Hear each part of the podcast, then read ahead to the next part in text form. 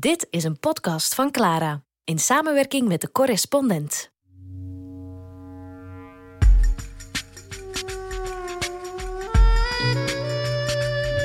Revolutie met David van Rijbroek.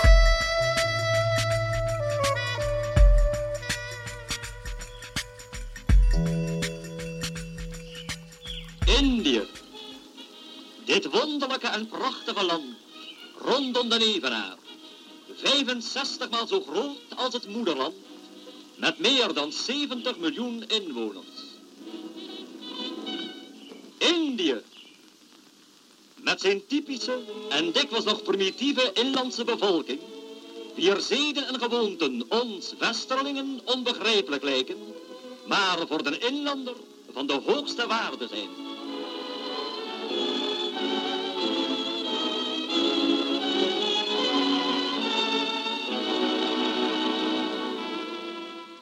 Ja, zo, zo kregen de Nederlanders het te horen.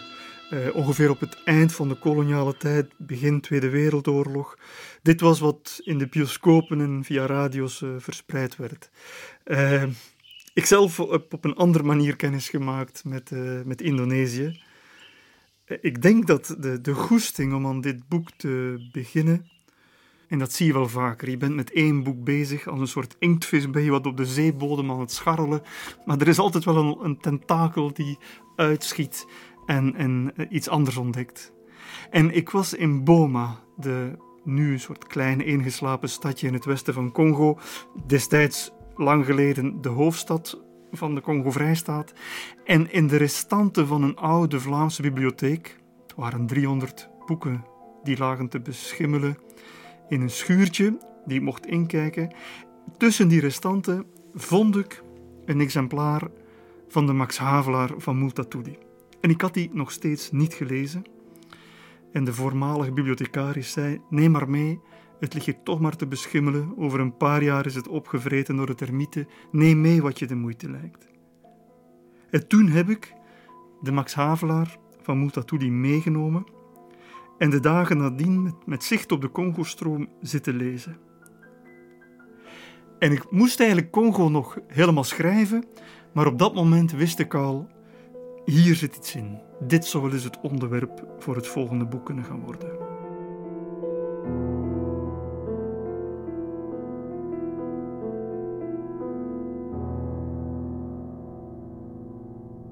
Ik had natuurlijk veel over Multatuli en de Max Havelaar gehoord op de middelbare scholen enzovoort. Ehm, en toen ik begon te lezen, dacht ik, wat een ongelooflijk merkwaardig, rommelig boek is dat, met hoofdstukken die voortdurend van genre verspringen. Soms zijn het brieven, soms is het redenvoering, soms is het poëzie, dan is het weer kort verhaal. Echt een ratje toe aan verhalen. En ehm, Vloeken in de kerk, ik vond sommige stukken verschrikkelijk saai. En tegelijkertijd kon ik het ook niet neerleggen. Ik zat daar met zicht op de Congostroom. Eh, dat bruine water, die brede bruine stroom, eh, ging voorbij en ik, ik bleef maar bladeren. En ik zag ook veel parallellen met Congo. En dat is niet zo raar, want koning Leopold II heeft zich ook geïnspireerd op het Nederlands kolonialisme, vooral van Willem I, eh, toen hij Congo ging uh, koloniseren. En ik zag, ik zag overeenkomsten en ik dacht van, god, dit is, dit is zo fascinerend. En, en, en door, door de, doordat het zo'n verbrokkelde vertelling is, het is echt een, een, soort omgevallen boekenkast, een verhalentrommel, uh, schotschrift, uh, lyriek enzovoort. Dacht ik, maar dat maakt het ook ongelooflijk modern. Het is bijna niet te geloven dat in de 19e eeuw een auteur zo'n moderne vorm vond. Bovendien geschreven in Brussel.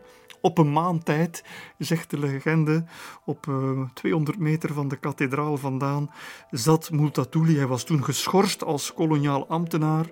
En uh, zoals wel vaker in de 19e eeuw, uh, Karl Marx en Victor Hugo vonden ook een toevlucht in Brussel. Multatuli Edward Douwes-Dekker vindt zijn toevlucht in een Brussels hotelkamertje en pent daar in een paar weken tijd misschien wel het belangrijkste Nederlandstalige literaire boek van de 19e eeuw. En eigenlijk moet je dat vergelijken met Moby Dick van Melville. Zo'n heel groot verhaal, veel verschillende registers door elkaar. Je kan het ook vergelijken met Uncle Tom's Cabin van Beecherstow. En... Um, ik, ik moet soms ook, ook denken aan de Maupassant of Turgenev, een soort breed gebaar. En dan zie je heel dat boek, hoe versplinterd ook lijkt, evolueert toe naar een, naar een onvermijdelijke conclusie. En die conclusie is een striemende aanklacht aan het adres van Nederland en de Nederlandse koning en de Nederlandse regering en wat Nederland aanricht op Java in Nederlands-Indië. Hoe luider overigens de afkeuring van mijn boek, hoe liever het mij wezen zal, want des te groter wordt de kans gehoord te worden. En dit wil ik. Doch gij, die ik stoor in uw drukten of in uw rust, gij ministers en gouverneurs-generaal, rekent niet te zeer op de onbedrevenheid mijner pen. Ze zou zich kunnen oefenen en met enige inspanning misschien geraken tot een bekwaamheid die ten laatste zelfs de waarheid zou doen geloven door het volk. Want ik ben geen vliegenreddende dichter, geen zachtmoedige dromer, zoals de getrapte havelaar die zijn plicht deed met de moed van een leeuw en honger lijdt met het geduld van een marmot in de winter. Dit boek is een inleiding. Ik zal toenemen in kracht en scherpte van wapenen naarmate het nodig zal wezen. God geven dat het niet nodig zij. Nee, het zal niet nodig zijn. Want aan u draag ik mijn boek op, Willem III. Koning, groothertog, prins, meer dan prins, groothertog en koning, keizer van het prachtig rijk van Insulinde, dat zich daar slingert om de evenaar als een gordel van smaragd. Aan u durf ik met vertrouwen vragen of het uw keizerlijke wil is dat Havelaar wordt bespat met de modder van slijmeringen en droogstoppels. En dat daar ginds uw meer dan 30 miljoen onderdanen worden mishandeld en uitgezogen in uw naam.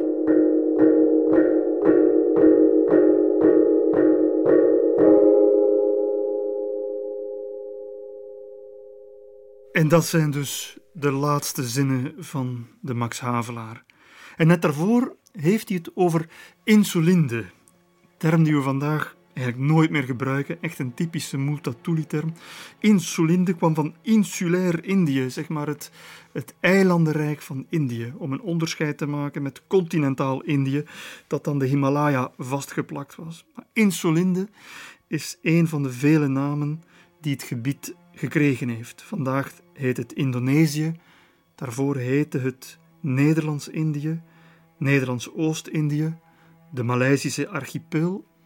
Allemaal namen voor een nogal moeilijk te omschrijven gebied. Het is, uh, als je kijkt naar de wereldkaart vandaag, is het een soort, uh, een soort klodder uh, rechtsonder op de wereldkaart. Zo ten zuiden van China, ten noorden van Australië en ten oosten van India. En dat gesputter van het vasteland vooraleer je in de stille oceaan uitkomt, is eigenlijk het grootste eilandenrijk ter wereld. En dat is dus gigantisch, dat gebied. Het gaat, als je naar de Evenaar kijkt, over een zone van 5000 kilometer. Een, een achtste van de wereldbol is uh, Indonesië ter hoogte van de Evenaren. Als je dat zou verslepen naar het noordelijk halfrond, dat kan je op het internet doen, er zijn een paar sites voor. Als je dat eilandenrijk, Indonesië vandaag, op de kaart van Europa zou leggen, dan begint dat in Ierland en eindigt dat in Kazachstan. Dat is waarover we praten. En het rare is, een enorm uitgestrekt land met een enorme bevolking, het vierde grootste land ter wereld op vlak van populatie, na China, India en Amerika, het volkrijkste land ter wereld. En je hoort er eigenlijk bijna nooit over. Of er moet een tsunami zijn, zoals inmiddels meer dan tien jaar geleden, of uh, gruwelijke aanslagen zoals in Bali, of een, een grote vulkaanuitbarsting. Maar eigenlijk is dat land heel erg onzichtbaar in ons wereldbeeld.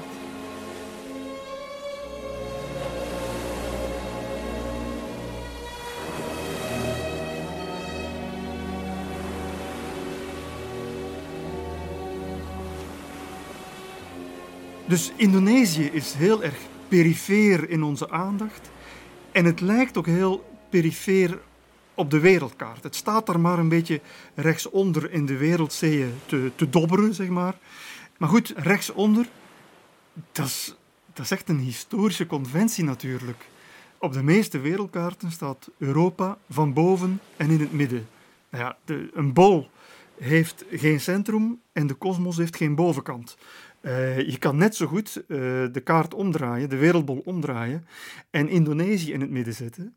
En als je dan in Indonesië heet dat Indonesiacentrisch te werk gaat, dan zie je dat dat gebied eigenlijk een ideale rij stapstenen vormt in een uitgestrekt maritiem gebied, waarin China, India en Australië met elkaar uh, communiceren. Dus het is eigenlijk heel strategisch. Het is helemaal niet een soort verloren uithoek, maar een kruispunt van eilanden in een gebied waar van oudsher mensen hebben gewoond. En als je dan een beetje dichter inzoomt op die stapstenen, dan zie je dat het eigenlijk gaat om een dubbele rij van stapstenen. Ten noorden heb je de grote eilanden, Borneo, Sulawesi en dan kleinere archipel de Molukken. En ten zuiden, je vertrekt vanaf het Maleisische schiereiland, je komt uit bij Singapore, dat zijn andere landen.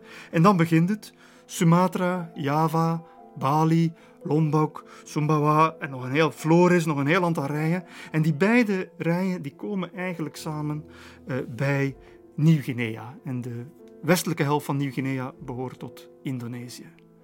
Dus een ongelooflijk eilandenrijk. We weten zelfs niet, niet eens hoeveel eilanden er precies zijn.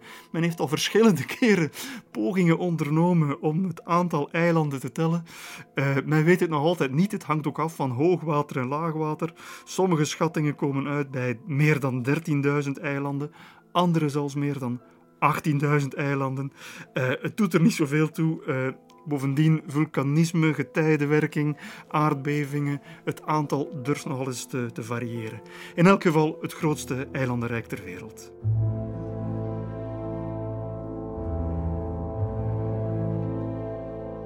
Dus voilà, dat is een beetje de, de schets in de, in de ruimte. Als je kijkt naar de tijd, lange geschiedenis. Um, het heeft geen zin om, om ons dood te slaan met veel jaartallen. Maar in het geval van Indonesië is het eigenlijk vrij simpel. 3,5, 3,5, 4,5. Drieënhalve eeuw Nederlandse aanwezigheid, 3,5 jaar bezetting door Japan tussen 42 en 45 en dan 4,5 jaar oorlog tussen 45 en 49 voor de onafhankelijkheid.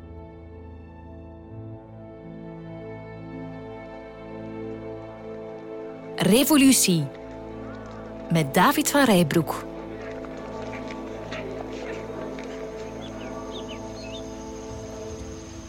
Wat wist ik eigenlijk van die hele geschiedenis? In de, in de jaren negentig heb ik uh, vijf jaar in Nederland gewoond, doctoraat geschreven in Leiden. Uh, en tijdens de lunchpauze werd er al eens gesproken over, uh, over de politionele acties of over de Borobudur. En een van mijn collega's was daar ooit geweest enzovoort. En uh, tijdens een andere lunchpauze op een goede middag stond ik ineens oog in oog met de, de oudste Indonesiër die ik ooit heb ontmoet. En hij zag er nog redelijk goed uit. Uh, ik was met de fiets naar hem toegereden. Uh, strak voorhoofd, stevige kiezen, stevige botwerk. de conservator paleontologie van het Natuurhistorisch Museum in Leiden, want daar was ik heen gefietst legde die onderdelen op een groen tapijtje op een tafeltje. En daar lag hij, de Java-mens, opgegraven in 1892 door een Nederlandse arts Eugène Dubois. Drie resten, een schedelkap, een dijbeen en een kies. En het waren die resten die Darwin gelijk gaven. Darwin had voorspeld dat er tussen mens en aap tussenvormen moesten bestaan hebben. En inderdaad, op Java waren ze in 1892 opgegraven. En daar lagen ze voor mij op dat groene tapijtje, de conservator. Eh, haalden ze heel zorgvuldig uit, uit de, de, de schatkoffer, de safe waarin ze lagen opgeborgen, en legden ze één voor één neer. Java-mensen is vandaag bekend als het, uh, het type fossiel voor de Homo erectus. Vroeger heette dat Pithecanthropus erectus, dat betekende letterlijk aapmens, uh, rechtoplopende aapmens. Nu heet dat Homo erectus en die wordt gedateerd op 1 miljoen jaar geleden. 1 miljoen jaar geleden waren er al mensen in Indonesië. op Java. Dus 1 miljoen jaar geleden Homo erectus, 75.000 jaar geleden komt Homo sapiens binnen in de archipel. En dan moet je denken aan wat men noemt Melanesische types, altijd gevaarlijk om in raciale termen te gaan denken. Maar eigenlijk zijn dat de voorlopers van de, de Papua's in Nieuw-Guinea en de Aboriginals van Australië. Die worden gekenmerkt door uh, donkere huid, gekruld haar, ronde ogen. En die dringen die archipel binnen uh, en die gaan zelfs zo ver op een paar tienduizend jaar tijd tot aan Tasmanië. Dus Australië door tot aan Tasmanië. 7000 jaar uh, geleden, dus een heel stuk later, krijg je een nieuwe migratiegolf. Uh, men noemt die de Austronesische expansie. Dat is meer echt klassieke Aziatische types. Die komen vanuit, vanuit China, over Taiwan en de Filipijnen. En dat zijn landbouwers. En landbouw daar is niet het verbouwen van, van rogge of tarwe, het is rijst. Die rijstteelt die gaat zo goed dat er op een bepaald moment overschotten kunnen geproduceerd worden. En dat betekent dat je voor het eerst landbouwsamenlevingen hebt waarbij niet iedereen boer is. En sommigen worden handelaar of anderen worden ambachtsman.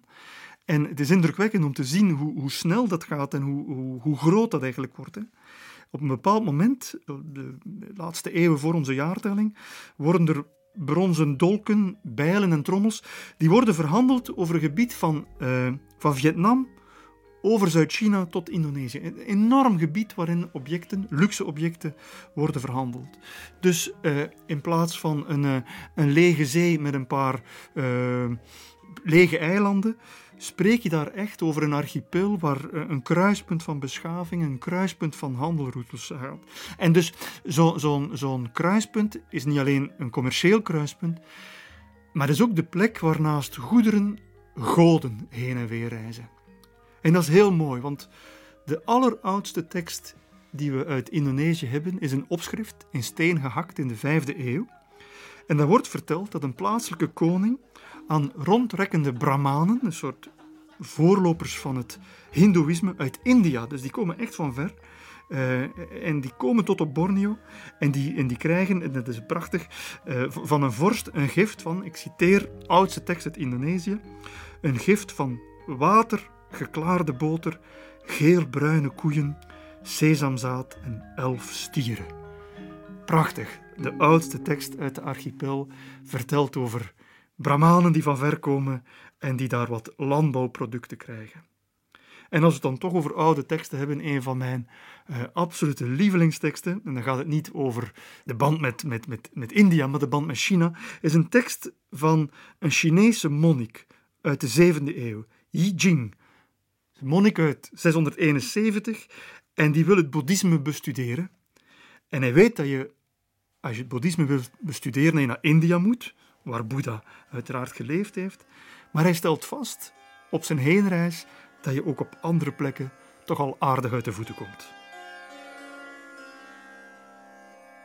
In de versterkte stad Fochi zijn er meer dan duizend boeddhistische monniken. Hun geest is gericht op studie en op goede daden. Ze lezen en bestuderen alle onderwerpen net zoals in India. De rituelen en de ceremonies zijn identiek. Wanneer een Chinese monnik naar India wil om de boeddhistische teksten te horen en te lezen, kan hij beter eerst hier één of twee jaar verblijven om de leer in de praktijk te brengen alvorens naar India te gaan. Trouwens, vandaag zie je nog altijd restanten van dat boeddhisme in Indonesië. Bali is vandaag hindoeïstisch-boeddhistisch gebleven. En op Java, vandaag uh, islamitisch, maar op Java staat nog altijd het grootste boeddhistische bouwwerk ter wereld, de Borobudur. Vele mensen kennen dat. Uh, wie op Java rondreist, kan er niet naast kijken. En eerlijk gezegd, het, het stikt er van de toeristen maar ik blijf toch een zwak hebben voor de Borobudur. Ongelooflijk mooi bouwwerk. Zeven verdiepen hoge trappenpyramiden met prachtige, prachtige sculpturen. Eh, waar je langs loopt, waar de monnik of de pelgrim of de boeddhist moet langslopen om een proces van spirituele zuivering door te maken. Het blijft een ongelooflijke, indrukwekkende realisatie van het uh, Javaanse boeddhisme. Het is gebouwd rond 800. En ongeveer 100 jaar later, daar vlak in de buurt, wordt een ander uh, heiligdom, een tempel gebouwd, echt meer hindoeïstisch, minder bekend, uh, zo mogelijk nog mooier, Prambanan.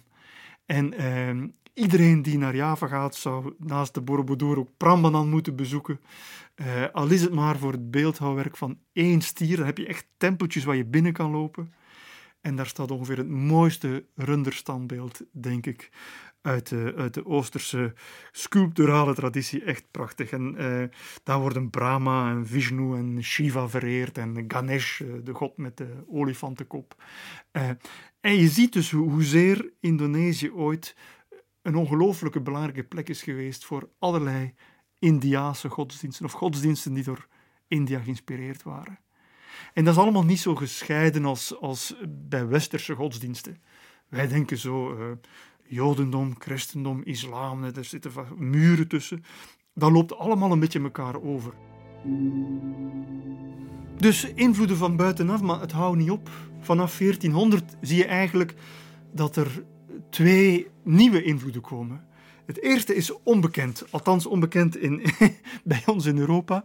Dat is het fenomeen genaamd Zheng He. Zheng He was een Chinese eunig admiraal. Combinatie die niet zo vaak voorkomt, denk ik.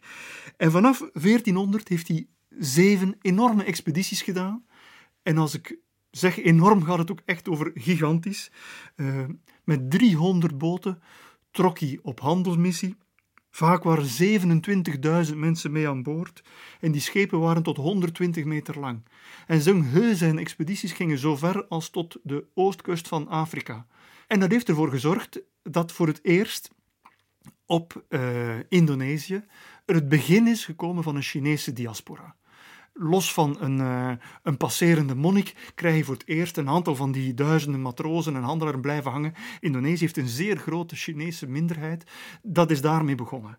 En een tweede fenomeen wat je daar ziet, uh, ook fascinerend, komt niet vanuit het oosten, maar vanuit het westen. Ook dankzij de handel komt er een nieuwe religie aan. En die religie spreekt veel van die handelaren op de kust van Sumatra en Java erg aan. Want het is een hele egalitaire religie. Die, die, uh, die hoofdse cultuur in het centrum, in dat binnenland, met, met die architectuur en weet ik wel, is heel feodaal. En daar komt de religie uit het Westen. En de religie zegt dat iedereen eigenlijk gelijk is. Dat rijkdom er niet toe doet. En als je rijk bent, dan moet je eigenlijk uh, aalmoezen geven aan wie niet genoeg heeft. En volgens die religie moet je zelfs, ongeacht je stand, vijf keer daags knielen en u nederig tonen. En dat spreekt aan. En die religie is natuurlijk de islam. En de islam is daar niet gekomen door migratie of missie of door militaire optochten of wat dan ook. Het is echt puur gekomen door de komst van handelaren die met de islam in contact zijn gekomen. En plaatselijke Indonesische handelaren raken daardoor gecharmeerd omdat het voor hen een vorm van emancipatie is. Zeg maar, de middenstand voelt zich vrijer met de islam als religie dan te moeten uh, bukken voor die steenrijke adel uh, vanuit het binnenland. Een typisch conflict tussen adel en, en middenklasse, zeg maar. Dus uh, een nieuw element erbij. Dus we hebben al heel wat zien passeren. Uh, we, hebben al, uh, we hebben boeddhisme zien passeren, hindoeïsme, brahmanen, Chinese handelaren, eunigen en nu inmiddels ook elementen van het Arabische schiereiland. dat alles voorafgaand aan de komst van de Europeanen. Dus dat is er al een komen en gaan van volk, van invloeden, goederen, ideeën, mensen, godsdiensten, opvattingen, levenswijzen.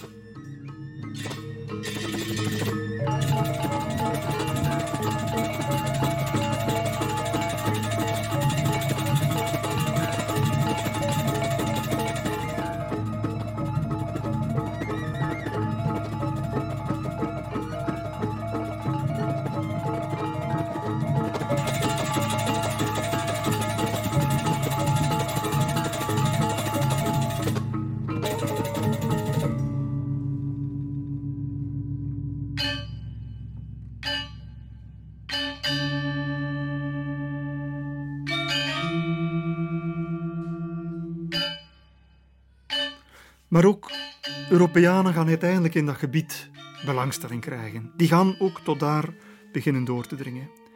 En dat komt allemaal door een kookboek. En dat kookboek is eigenlijk uh, de Recoccinaria. Misschien niet zo'n bestseller vandaag. De, dat boek is het enige kookboek wat bewaard is gebleven uit de Romeinse tijd. En de kok in kwestie die het heeft opgeschreven heette Apicius. Eigenlijk is het ongelooflijk. Het Romeinse Rijk heeft duizend jaar bestaan, heeft miljoenen mensen moeten voeden. En we hebben daar één kookboek van. En wat staat er in dat kookboek? Een aantal gerechten. En dan valt het op dat drie kwart van die gerechten uh, vragen om vrij grote hoeveelheden peper. Peper, een ingrediënt, een specerij, wat helemaal niet in de Mediterranee voorkomt. Apicius beschrijft hoe je Pulus tractogalatus kan bereiken. Dat is kip met melk en honing, maar je moest er eh, behoorlijk wat peper bij doen en dat moest van duizenden kilometers ver komen.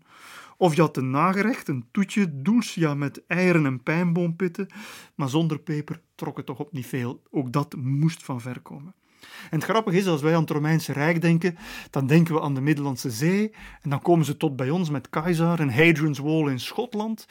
En we denken, en in het Midden-Oosten stopt het ongeveer. Bij Cleopatra in Egypte is het wel ongeveer afgelopen met het Romeinse Rijk. Maar dat is niet waar. Vanuit Egypte vertrokken er handelsexpedities naar Afrika, zuidwaarts, om ivoor, naar het Arabische schiereiland, om, om wierook. Uh, over land tot in China.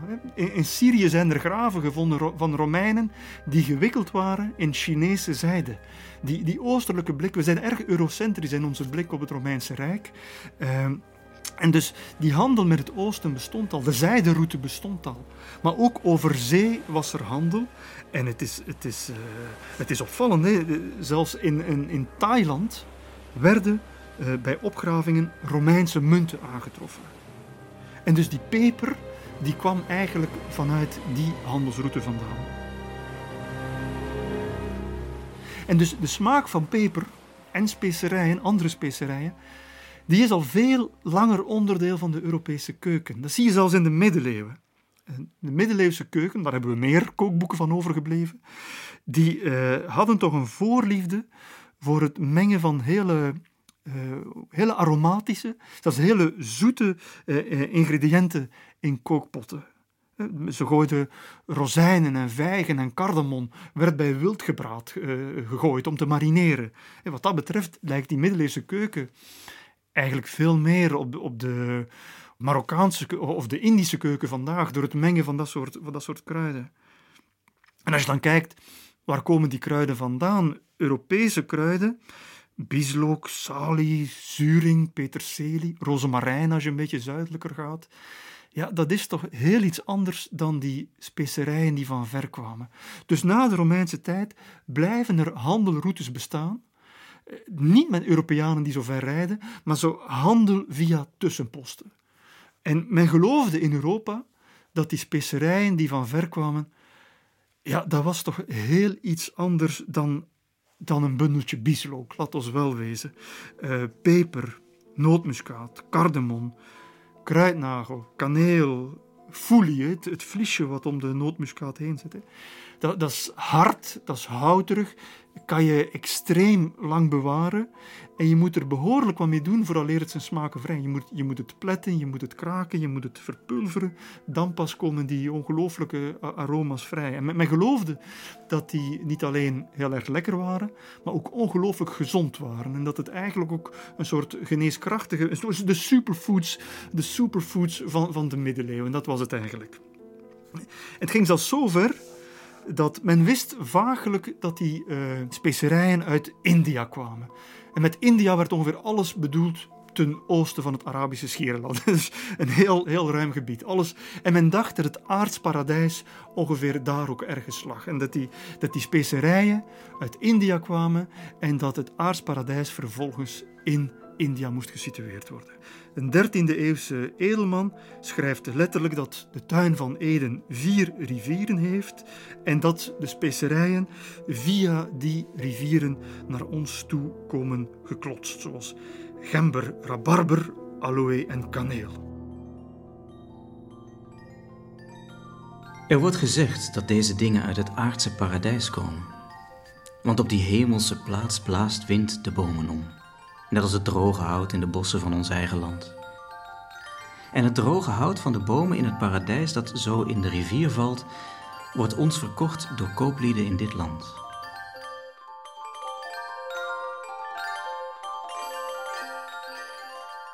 Dus door die tussenhandel zijn die specerijen in Europa bekend, maar ze zijn verschrikkelijk duur. Want uh, vanuit de verre Molukken moet er nootmuskaat en foelie en, en kruidnagel komen. En dus overal in elke haven waar ze uh, overgaan in de hand van de ene hand naar de andere hand, moeten er natuurlijk haventaxen betaald worden. En elke handelaar moet er iets op verdienen. Dus dat wordt godsgruwelijk duur. En je ziet het ook aan de prijzen. Hè. Uh, rond 1450 kost een pond peper of een pond gember zoveel als twee daglonen van een arbeider. Voor een half kilootje peper. Een pond kaneel is drie dagen werken. Een pond kruidnagel, nog zeldzamer, vier en een halve dag werken. En dan het allerduurste uiteraard, safraan, dat is een maand werken. Vandaag weten we dat safraan goed was tegen depressie, maar als je een maand moet werken voor een halve kilo specerijen, zou je misschien wel een depressie krijgen ook. En dus dat komt allemaal van, van ongelooflijk ver af. En op een bepaald moment, naarmate de scheepvaart zich ook een beetje ontwikkelt in Europa, nog lang niet zo goed als Zheng He in China, de Portugezen varen op dat moment, die durven, durven via de kustvaart al tot Marokko te varen. Dat is niet heel ver van als je uit Portugal vertrekt. Maar de vraag ontstaat toch, kan dat niet goedkoper? Kunnen wij niet zelf die specerij gaan inslaan? En al die tussenstappen overslaan? Kunnen we ons niet rechtstreeks bij de bron bevoorraden? En Marco Polo is al over land geweest, hij weet al ongeveer waar het vandaan komt. Maar de Portugezen stellen zich de vraag: kan dat niet goedkoper als we nog een beetje zuidelijker varen dan, uh, dan Marokko? Uh, kunnen we dat niet op een bepaald moment uh, afslaan naar het oosten? Zo, zo, diep kan dat Afrika toch niet zijn. laat ons via de kustvaart nog een beetje verder kruipen, stapsgewijs, en dan de bocht nemen en dan zullen we onszelf bevoorraden. Afrika leek toch een stukje dieper en een stukje zuidelijker te gaan dan verwacht. Ze hebben er ongeveer een eeuw over gedaan om zo zuidwaarts te geraken. Maar ergens rond 1498 wordt voor het eerst door Vasco da Gama de Kaap gerond. Vasco da Gama slaagt erin door te zeilen naar de westkust van, van India. En en daar leert hij dat voor de echte goede specerijen, voor de duurste, moet je nog verder gaan. Je moet naar Sri Lanka voor kaneel, naar Sumatra en Java voor peper en nog veel verder naar de Molukken voor kruidnagel, nootmuskaat en foelie, dat vliesje wat rond de nootmuskaat zit. En dat doen ze. En tegen 1525 hebben die Portugezen eerst langs de kust van Afrika dan langs de Indiase kust en vervolgens ook in Indonesië hebben ze hier en daar handelsposten. Tussen haakjes, ik moet maar opletten dat ik Indiaas zeg, want in Nederland wordt onder Indisch Indonesisch begrepen. Wij verstaan, Vlamingen verstaan onder Indisch eh, met betrekking tot India. Uh, het, woord, het adjectief voor India wordt in deze reeks Indiaas, het adjectief voor Indonesisch Indonesisch.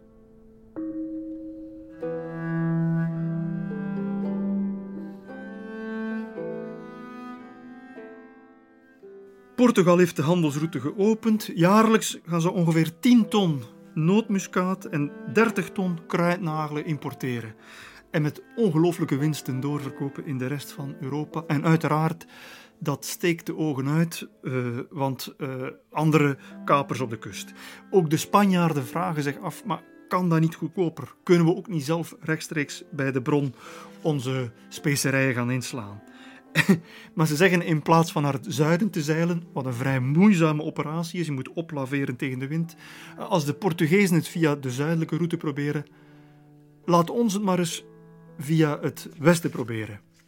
Want zo groot kan die Atlantische Oceaan toch niet zijn. En dat is precies waar Columbus in beeld komt. Het verhaal is bekend. Hij probeert via het westen India te bereiken. Uh, hij zet aanvankelijk voet uh, aan wal in, in Cuba en denkt dat het Japan is. En een paar weken later zegt hij: nee, nee, wacht, Haiti, dat moet hier Japan zijn. Japan was bekend via de zijderoute en hij noemt de inwoners Indianen, dat is allemaal bekend. Ja, hij had gelijk. Via het westen kan je India bereiken. Uh, en twintig jaar later lukt dat ook. Magalla's uh, gaat dan. Maar je moet er wel eerst heel uh, Zuid-Amerika voor omzeilen. En ook nog eens de Stille Oceaan oversteken. Het was toch een beetje verder dan gedacht. Spanjaarden komen aan in een eilandenrijk, noemen dat vervolgens naar de Spaanse koning, de Filipijnen. En op die manier komen ze aan in de Molukken, de specerijen-eilanden. Ook de Spanjaarden hebben de route geopend, de westelijke route.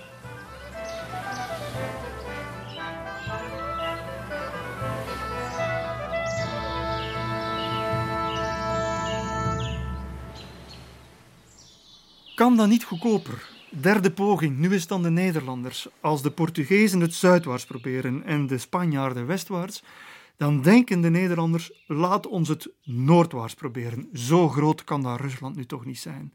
En dit is waar uh, iemand als Willem Barens in, in beeld komt. Uh, Barens probeert uh, de specerijen-eilanden te bereiken via de noordelijke route. Het was toch allemaal niet zo evident. komt vast te zitten in het pakhuis, moet overwinteren op Nova Zembla. En de zee die daar ligt, was toen een anonieme zee en draagt nu nog altijd zijn naam, de fameuze Barentszee. In plaats van tropische specerijen komen ze met andere voedingswaren in aanraking en dat valt lelijk tegen. Dat ijsberenvlees niet erg smakelijk is, wisten de mannen nog van hun eerste reis. Daarom waren ze er nog niet eerder aan begonnen. Maar toen ze in mei weer een ijsbeer doden, de negende die winter, lieten ze de kok de lever koken. Na het eten ervan werden een paar mannen vreselijk ziek. Ze vervelden van top tot teen. Van Heemskerk liet al het vlees dat nog in de pot zat buiten weggooien. Het voorval maakte de mannen nog wantrouwender tegenover deze witte monsters. Al dus de woorden van een van de lagere officieren aan boord. Het behouden huis was de plek waar ze vastzaten op Nova Zembla en uiteindelijk Indonesië nooit bereikt hebben. Er zat er dus niets anders op voor de Nederlanders dan de Portugese route rond Afrika te volgen. Dat bleek, hoe lang hij ook was, dan toch de kortste route. En Cornelis de Houtman uit Gouda, hij was de eerste Nederlander die de klus klaarde, maakte daarbij gebruik met de reisbeschrijving door een landgenoot van hem, de voyage of de scheepvaart van Jan Huygen van Linschoten. En in 1596 is hij de eerste Nederlander die de westkust van Java bereikt.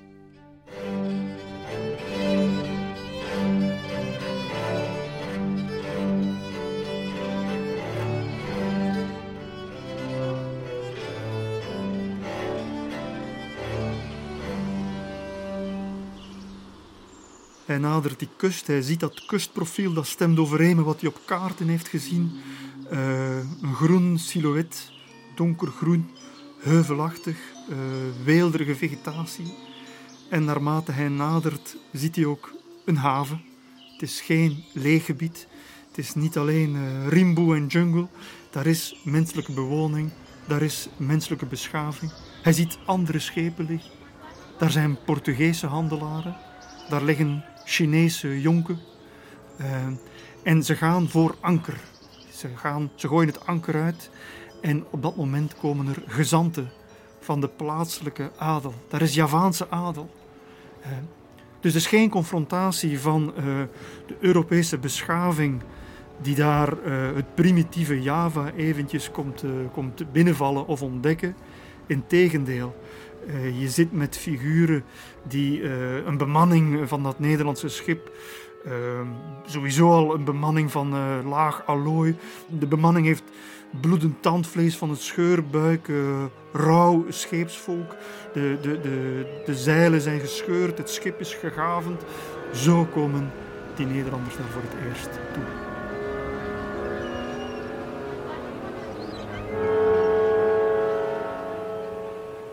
En zo begint die 3,5 eeuw Nederlandse aanwezigheid in de archipel. En aanvankelijk gaat dat niet over verovering van het gebied, Cornelis de Houtman en de vele na hem, de vele kapiteins na hem, die zijn niet zozeer geïnteresseerd om daar grond te gaan inpalmen. Die willen niet echt daar een kolonie gaan stichten. Die zijn maar in één iets geïnteresseerd en dat is specerijen. En idealitair waren ze gewoon voor anker blijven dobberen op de golven, terwijl kleine prauwen van aan de oevers zouden afkomen met, met zakken vol uh, nootmuskaat en kaneel en gember en uh, ophalen, in het ruim leggen en uh, misschien nog een glas drinken met de plaatselijke handelaar. Als het een moslim is, zal die geen alcohol gedronken hebben. De een drinkt alcohol, de ander een glas brandewijn, de ander een kopje thee. de handel beklinken en terug naar huis varen. Dus de, de, de golven waren belangrijker dan de gronden. Er was geen ambitie om grond te gaan inpalmen.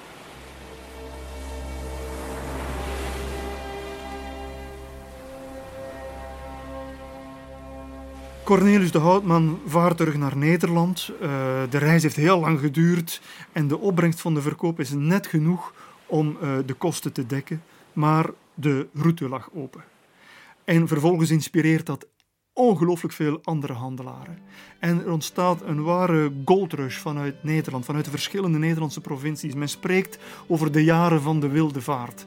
Vanuit verschillende havens van Nederland, vanuit Zeeland, vanuit Den Helder, vertrekken er boten om uh, ook uh, een geluk te gaan beproeven. En die wilde vaart, dat is, uh, dat is niet voor God en vaderland zoals de Portugezen. Al is het maar dat Nederland op dit ogenblik ook niet echt een soort vaderland is. Je zit met de zeven provinciën, een losvaste samenwerking van tamelijk autonome gebieden.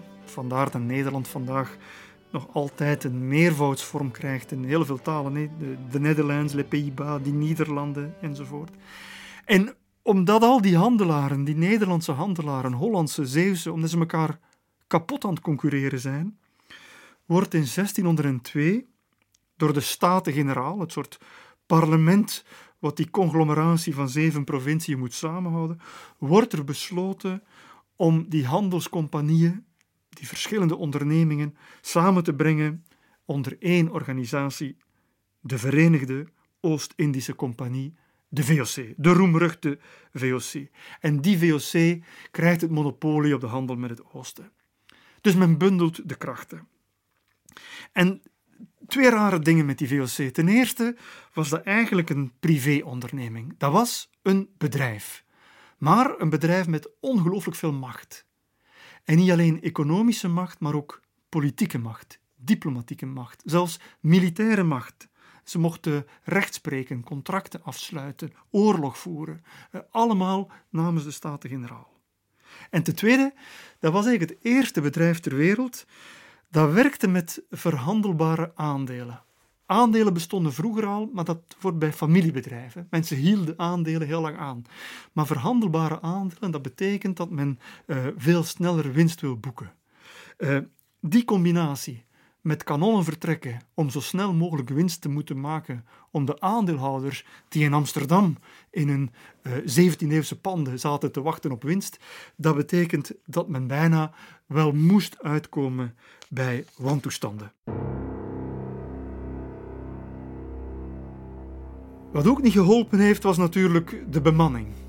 Tussen 1600 en 1800, die twee eeuwen dat de VOC heeft bestaan, zijn er ongeveer 4000 schepen vertrokken. En voor elk schip moest er een paar honderd man uh, bemanning geronseld worden.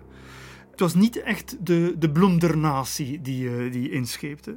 Voor afvaart moest men in, in, in de kroegen en opvanghuizen uh, allerlei dronkaards, vechtersbazen, volk van bedenkelijk allooi uit de, de staminees van Amsterdam, de opvanghuizen van Amsterdam en schamele logies uh, gesleurd worden. Daar zaten Hollanders bij, maar ook veel Duitsers, Scandinaviërs. Echt volk van onderaan de maatschappelijke ladder, zeg maar. Volk dat niets te verliezen had. Het is niet dat die per se door schipbreuk zijn omgekomen. Integendeel, maar 4% van de schepen zijn, uh, zijn geëindigd in schipbreuk. Maar heel veel volk stierf onderweg, bleef achter, vechtpartijen. Uh, en dus de, de, de, verhalen zijn bekend over uh, wangedrag. Wangedrag uh, onderweg, wangedrag eenmaal de mensen aankwamen. De, de, de hogere bemanning aan boord die hadden nog fatsoenlijk eten. Die hadden zelfs een moestuin op het achterdek. Soms hadden ze zelfs een hok met een varken mee. Die hadden wijn.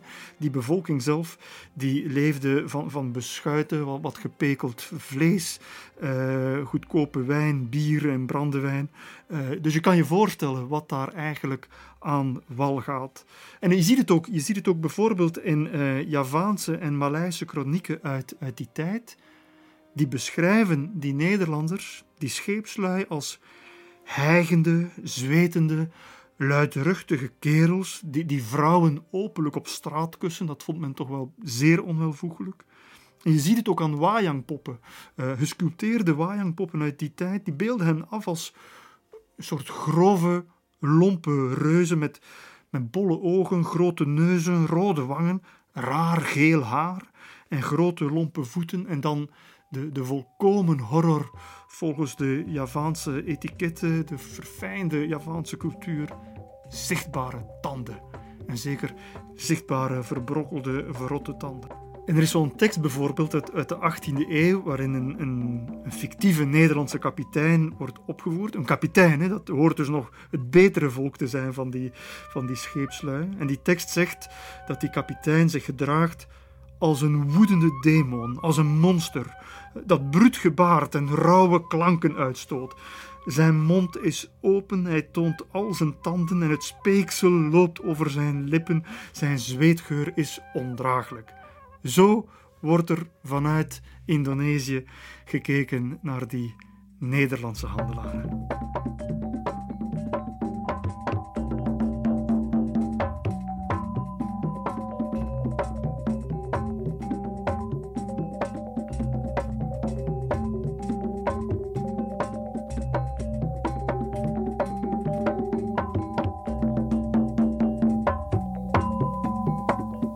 Revolutie met David van Rijbroek.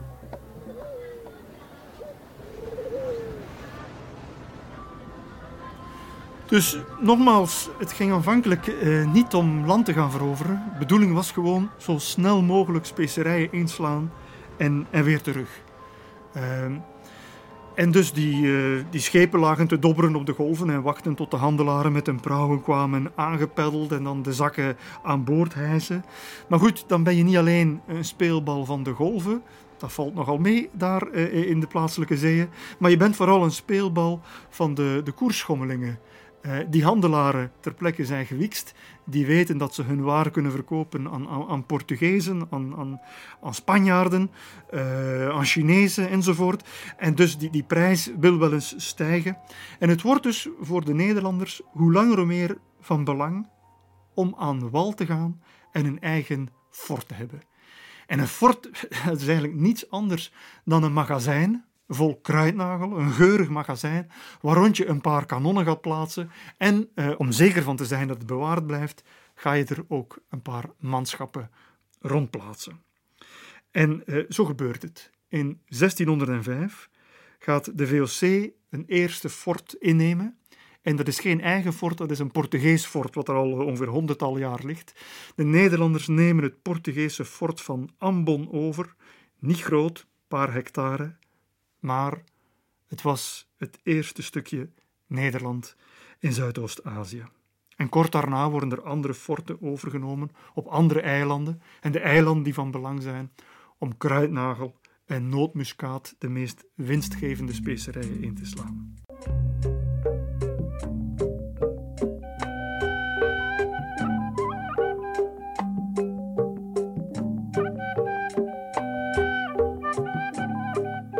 En dus die eerste forten die liggen op die verste eilanden, dicht in de buurt van waar nootmuskaat en uh, kruidnagel voorkomen. Die liggen in de Molukken. Dat is goed om dicht bij de bron te zitten, maar het is wel lastig dat ze nogal ver van de handelsroute liggen. En in 1619 besluit de, het hoofd van de VOC in de, die de operaties in, in Azië leidt, Jan Pieterszoon Koen. Jan Pieterszoon Koen, de roemruchte VOC-held, tussen aanhalingstekens, die besluit om de hoofdplaats van de VOC, de, de hub zeg maar, te verleggen naar een haven op West-Java.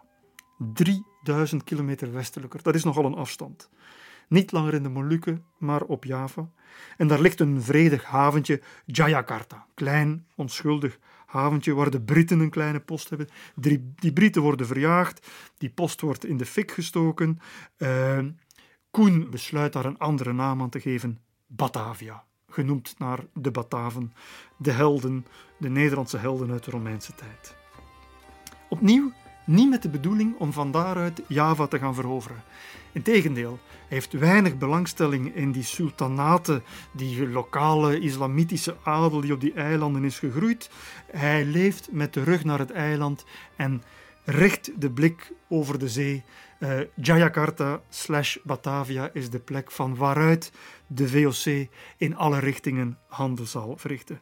Maar goed, het stadje ligt in de as, de Britten zijn verjaagd. Hoe moet het opgebouwd worden? Wel, door slaven.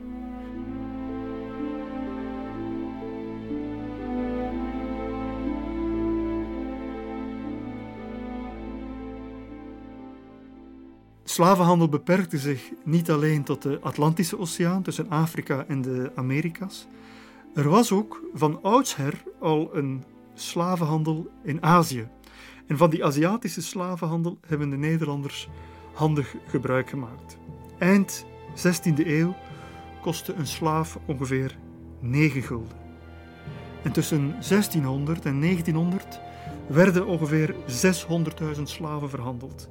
Dat is evenveel als het Nederlandse aandeel in de Atlantische slavenhandel. Een kwart van die slaven kwam, kwam uit Bali, de rest kwam van elders uit de archipel, ook vanuit de Filipijnen, uit India, Madagaskar en zelfs een deel uit het Afrikaanse vasteland. Die mensen werden gekocht, geroofd, gestolen, buitgemaakt. Mensen die haven en goed waren verloren na een vulkaanuitbarsting bijvoorbeeld, die niets meer hadden, die konden ook slaaf gemaakt worden. Uh, verschil met die Atlantische slavenhandel is dat er veel meer vrouwen bij zaten. En die vrouwen die dienden vaak als huisslaven, waarmee werd gepronkt en gekoketteerd door eh, VOC-toplieden uh, die daar woonden. En vaak pronkten die met 100, 200, 300 slaven. En de uh, andere slaven, de mannelijke slaven, die dienden bijvoorbeeld om in een stad als Batavia kanalen te graven, grachten te graven, panden, pakhuizen te bouwen, schepen mee te bouwen, schepen te teren, enzovoort, enzovoort. Die hebben eigenlijk Batavia gemaakt.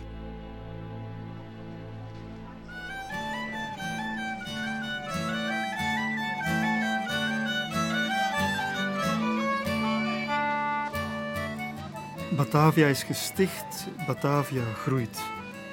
Op minder dan een eeuw tijd wonen daar 27.000 mensen. Men noemt het een tropische versie van Amsterdam, de koningin van het oosten. Er zijn grachten, er zijn windmolens, er zijn ophaalbruggen. Eh, nogmaals, dat is niet de hoofdstad van Indonesië of van Nederlands-Indië, dat bestaat nog niet. Maar het is de centrale as in een mondiaal handelsnetwerk van Nederland, van de VOC. En dat handelsnetwerk dat strekt zich uit van Kaapstad op het puntje van uh, Zuidelijk Afrika tot aan Japan. En in dat gebied wordt er van alles verhandeld: specerijen, zilverwaar, slaven, uiteraard. En de, de hele economie draait rond één iets. En dat is het monopolie op specerijen. Nederland kan maar zo'n succesvol handelsnetwerk worden het heeft op dat moment de grootste handelsvloot van Europa als het het meest kostbare kan monopoliseren. Het moet absoluut vermeden worden dat de Spanjaarden en de Portugezen en ook Fransen die daar inmiddels komen, dat die ook toegang hebben. En dus die monopolies die moeten dus noods met geweld afgedwongen worden. En die, diezelfde Koen, de stichter van Batavia, uh, hij is uh, van 19, 1619 tot 1629 gouverneur-generaal vanuit de stad die hij zelf heeft gesticht, die gaat er bepaald niet met de zachte hand doorheen. Op de eilandengroep Banda in de Molukken, waar nootmuskaat wordt gevonden, krijgt hij te horen dat de lokale bevolking, ondanks alle afspraken, toch nog steeds blijft specerijen verkopen aan anderen. En hij besluit met uh, drastische maatregelen te reageren. De hele bevolking van Banda moet uitgemoord worden. zo'n 10 à 15.000 mensen komen om. Dat is echt een, vandaag zouden we dit genocide noemen. Uh, een aantal mensen hebben het overleefd, maar op die leeggekomen boomgaarden waar uh, de specerijen groeien, gaat die vervolgens VOC-ambtenaren uh, plaatsen, de zogenaamde perkeniers. En dat zijn eigenlijk de eerste die daar land gaan innemen, de eerste Nederlanders die land gaan innemen. Hij ging echt medogeloos te werk, maar hij had daar zijn eigen opvatting over. Men moet per experientie begrijpen dat indien de handel gedreven en gementeneerd moet worden, onder beschuttingen en de faveur van eigen wapenen, en de, dat de wapenen gevoerd moeten worden van de profijten die met een handel zijn genietende.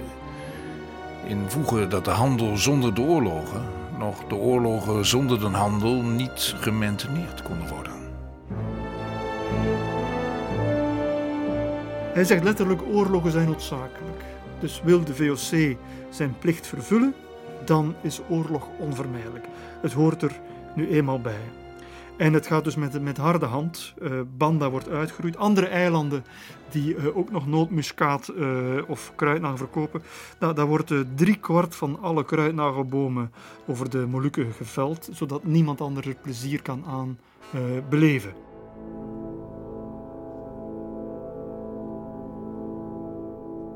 Die handel floreert als nooit tevoren. Het is 1700. De VOC is een eeuw bezig. De VOC beschikt over de grootste handelsvloot van Europa en ze wordt de Loffelijke Compagnie genoemd. Ongelooflijk economisch succes. En dan, dan gebeurt er iets. De VOC heeft de handelsmonopolies op specerijen binnen. Het lijkt alsof niets in de weg staat om nog eeuwenlang uh, rijkdom te vergaren.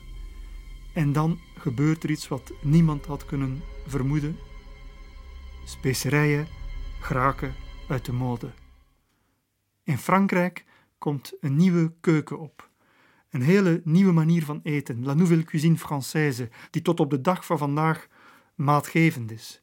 En daarbij moet je denken als uh, oesters en kreeft en kalfsweesrikken en foie gras en champagne. Nieuwe ingrediënten ontstaan en ingrediënten die je zuiver moet proeven.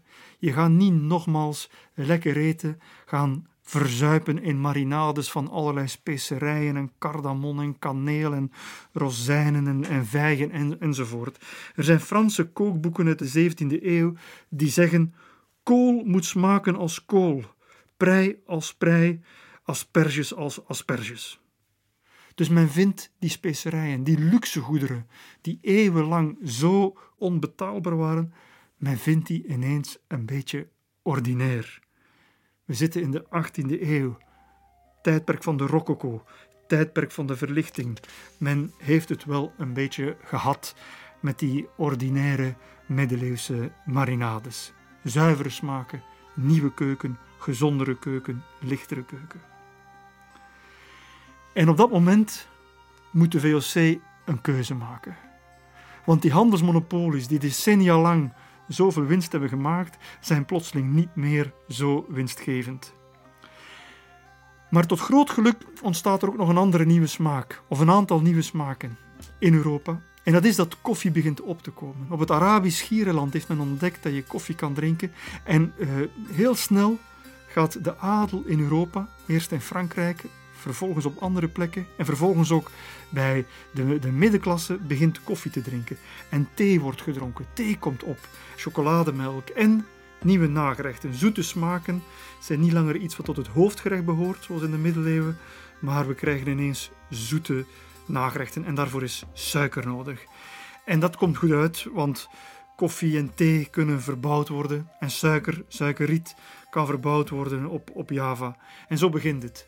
En dan verlegt de handel zich voor een deel. Niet langer de Molukken, de specerijen-eilanden, zijn de belangrijkste, maar Java wordt de plek waar de VOC aan land gaat. En dat is ook het moment dat het inpalmen van grond steeds belangrijker wordt. Steeds meer grond. Dat doen de Nederlanders, dat doen ook de Chinezen. De Chinezen leggen zich vaak toe op de, op de suikerteelt en zij boeken grote winsten. Dat lijkt een veelbelovende doorstart van het VOC-avontuur. Maar er zijn twee tegenslagen. Ten eerste, vanaf 1730 is er ongelooflijk veel sterfte aan malaria. Men heeft nieuwe visvijvers gegraven in Batavia. Men weet nog niet wat malaria veroorzaakt. Het heet malaria, slechte lucht. Maar waar komt die slechte lucht vandaan? Geen mens die het weet. En dus tienduizenden mensen sterven eh, in, Batavia. En de VOC moet steeds nieuwe manschappen aanvoeren. Die stad is een mengsel ook van, van Nederlanders, Javanen, Chinezen, eh, noem maar op. Uh, en ten tweede, op het platteland stijgt er onrust, want de suikerteelt is voornamelijk in handen van de Chinezen.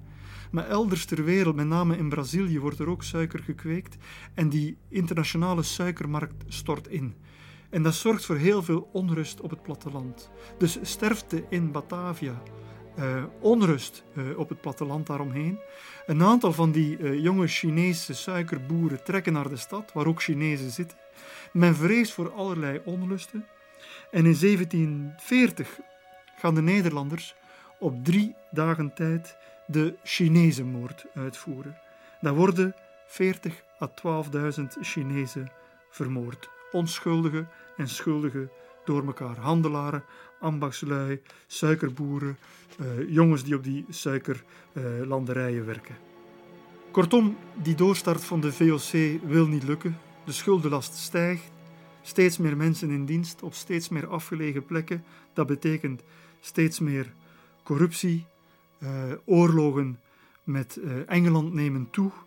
Kortom, de ooit zo winstgevende VOC wordt een, uh, een moeizame organisatie. En op 31 december 1799, na bijna 200 jaar bestaan, wordt de ooit zo winstgevende compagnie ontbonden en is ze failliet verklaard.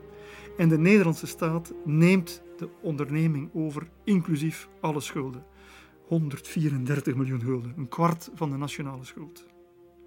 En op dat moment begint een heel ander hoofdstuk uit de geschiedenis van Indonesië.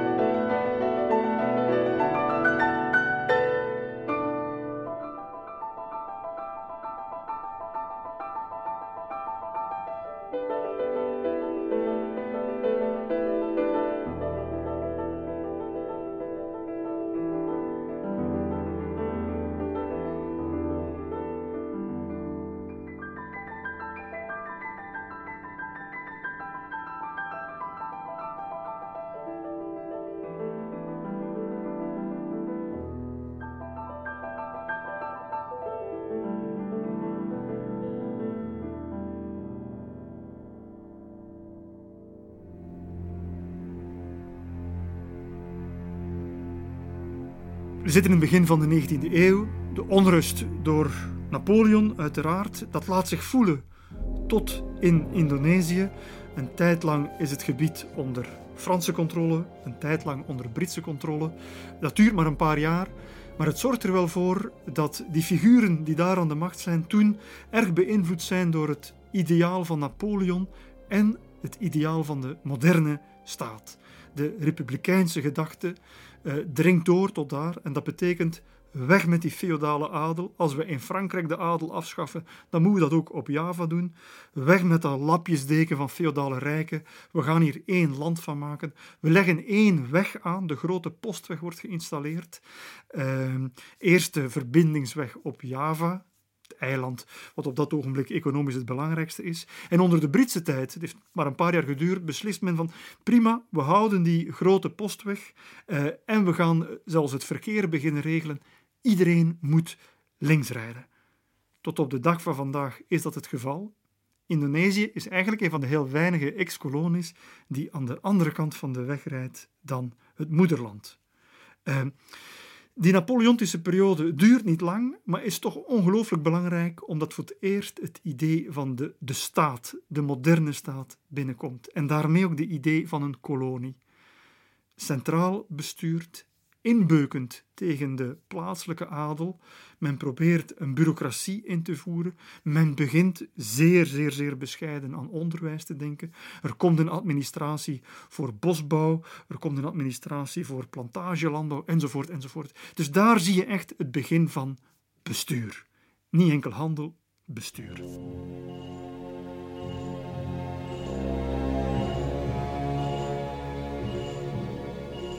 Napoleon is verslagen. De eilandengroep valt weer volkomen onder Nederlands gezag. En op dat moment is dat de Nederlandse koning.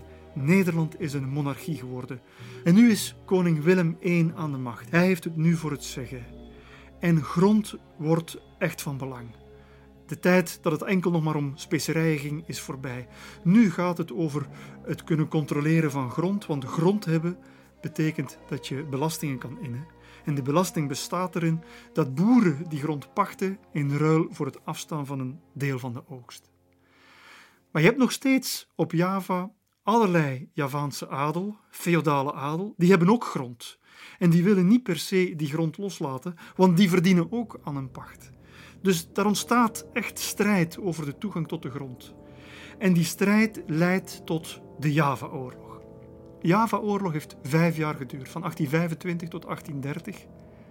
En het is eigenlijk de meest dodelijke oorlog die Nederland ooit heeft gevoerd. Naar schatting 200.000 mensen zijn daarbij omgekomen. En aan Javaanse zijde werden de troepen aangevoerd door een prins, uiteraard, want het was de adel die niet kon leven met de gedachte dat ze grond gingen verliezen aan de Nederlandse koning. En die prins heette prins Diponegoro. En Diponegoro voert de troepen aan uh, en hij koos voor een soort guerrilla-tactiek. Door beter terreinkennis kon hij met kleinere milities, kleinere eenheden, kon hij toch een serieuze uitdaging vormen voor de troepen van koning Willem I. Het gaat hier niet over honderdduizenden soldaten, niet over enkel duizenden soldaten die proberen uh, die gebieden, vooral op Centraal Java, waar die lokale adel, die lokale sultan sterk staan, om die in te nemen. En uh, dat duurt lang, gaat er bloederig aan toe. Af en toe kan Nederland een, een, een, een, eh, een gebiedje innemen. En op een bepaald moment gaat Nederland zeggen: het, uh, hier komt maar geen einde aan de strijd. Laat ons prins Diponegoro uitnodigen voor overleg. Laat ons beweren dat we met hem diplomatieke onderhandelingen gaan starten, dat we eventueel de strijd kunnen staken. Diponegoro gaat erop in, vertrouwt de Nederlandse generaal en merkt tot zijn enorme verbazing dat hij in de boeien wordt geslagen. Sterker nog, hij wordt verbannen, keert nooit terug naar Java, gaat eh, jarenlang nog in gevangenschap op Sulawesi doorbrengen en schrijft daar zijn memoires neer over wat hij heeft meegemaakt met de Nederlanders en in het bijzonder met die Nederlandse generaal. Nu is het wel duidelijk dat uw hart slecht is. Nu u uw belofte verbroken heeft, ben ik de getuige van al uw verraad. De Nederlanders begaan een ongehoord verraad. En door die geschiedenis hoeft het niet te verwonderen dat Diponegoro ook in de 20e eeuw velen zal blijven uh, inspireren. Zijn portret is op vele manifestaties, vele vergaderingen, uh, hing dat aan de muur. Diponegoro werd eigenlijk een verre voorloper van de vrijheidsstrijders in de 20e eeuw. Want die idee dat een gelijkwaardigheid wordt gesuggereerd om de tegenstander alsnog te kleineren, die zou ook in de 20e eeuw herhaald worden.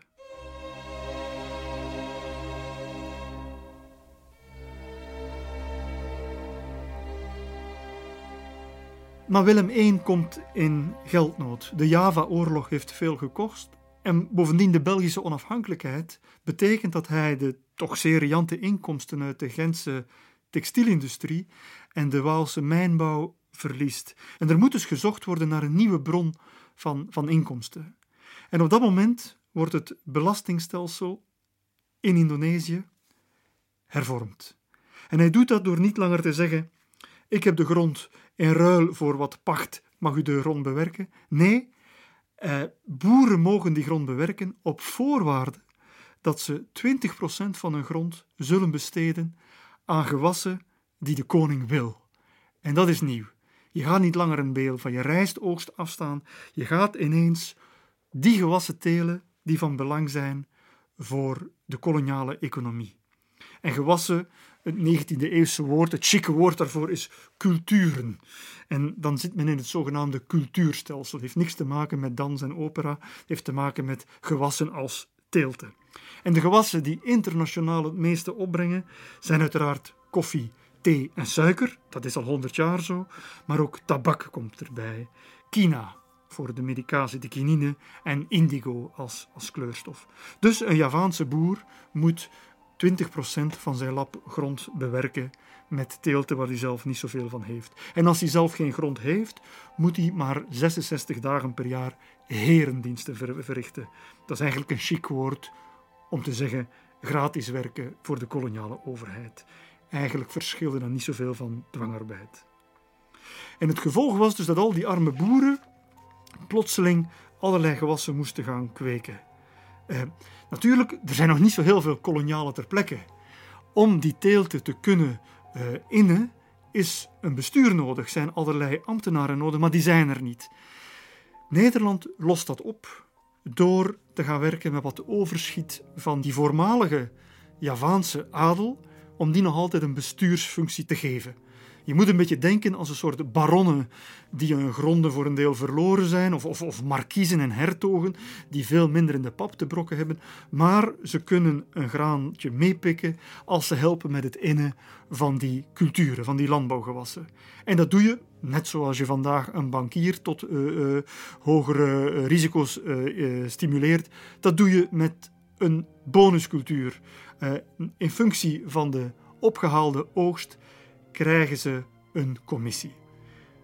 Uiteraard, als je op die manier te werk gaat, zet je de deuren open voor allerlei vormen van misbruik. Als je verloning staat in verhouding met wat je kan ophalen bij je voormalige onderdanen, dan hoeft het niet te verbazen dat men met de grove borstel daar doorheen gegaan is. En dus veel van die Javaanse adel, die een bestuursfunctie hebben, die gaan over tot het uitpersen van hun eigen bevolking. Wat betekent dat 20% verplichte grond afstaan aan culturen, werd al gauw 40%. En 66 dagen gratis werken, dat werd er al gauw 200. Maar het cultuurstelsel van Willem I draaide als nooit tevoren. De inkomsten stegen navenant. Het cultuurstelsel werd een ongelooflijk financieel en economisch succes. Voor Nederland althans. En koning Willem III de kleinzoon van koning Willem I, die wint er geen doekjes om als hij in 1859 het Nederlandse parlement mag toespreken. Wanneer ik de hoogst bevredigende toestand van Slans geldmiddelen dankbaar erken en overweeg dat die grotendeels de vrucht is der voordelen door de Oost-Indische bezittingen van het Rijk opgeleverd, dan besef ik niet minder mijn roeping om de bloei en de verdere ontwikkeling dier bezittingen te bevorderen. De offers, tot dat einde en tot handhaving van het gezag al daar vereist, worden met geen karige hand gebracht. En die cijfers zijn ongelooflijk. Tot een derde van het Nederlandse staatsinkomen in het midden van de 19e eeuw, een derde kwam uit uh, Nederlands-Indië. Kortom, het cultuurstelsel ongelooflijk succesvol voor Nederland, ongelooflijk pijnlijk voor Nederlands-Indië. Op Java heerste er hongersnood in nogthans een van de meest vruchtbare gebieden ter wereld. Er zijn koortsepidemieën, grote uitbraken van cholera, er sterven tienduizenden mensen, gezondheidszorg is zo goed als onbestaande. Het is tegen die schrijnende toestanden dat Multatuli tekeer gaat in een van de mooiste en ook wel de bekendste passages uit de Max Havelaar.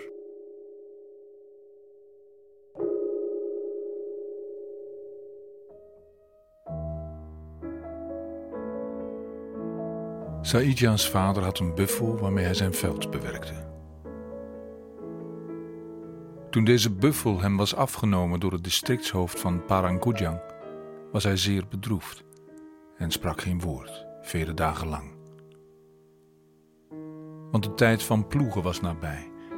En het was te vrezen, als men de Sawa niet tijdig bewerkte, dat ook de tijd van zaaien zou voorbijgaan en eindelijk dat er geen padi zou te snijden zijn om die te bergen in de loemboem van het huis. Saidja's vader nu was zeer bekommerd.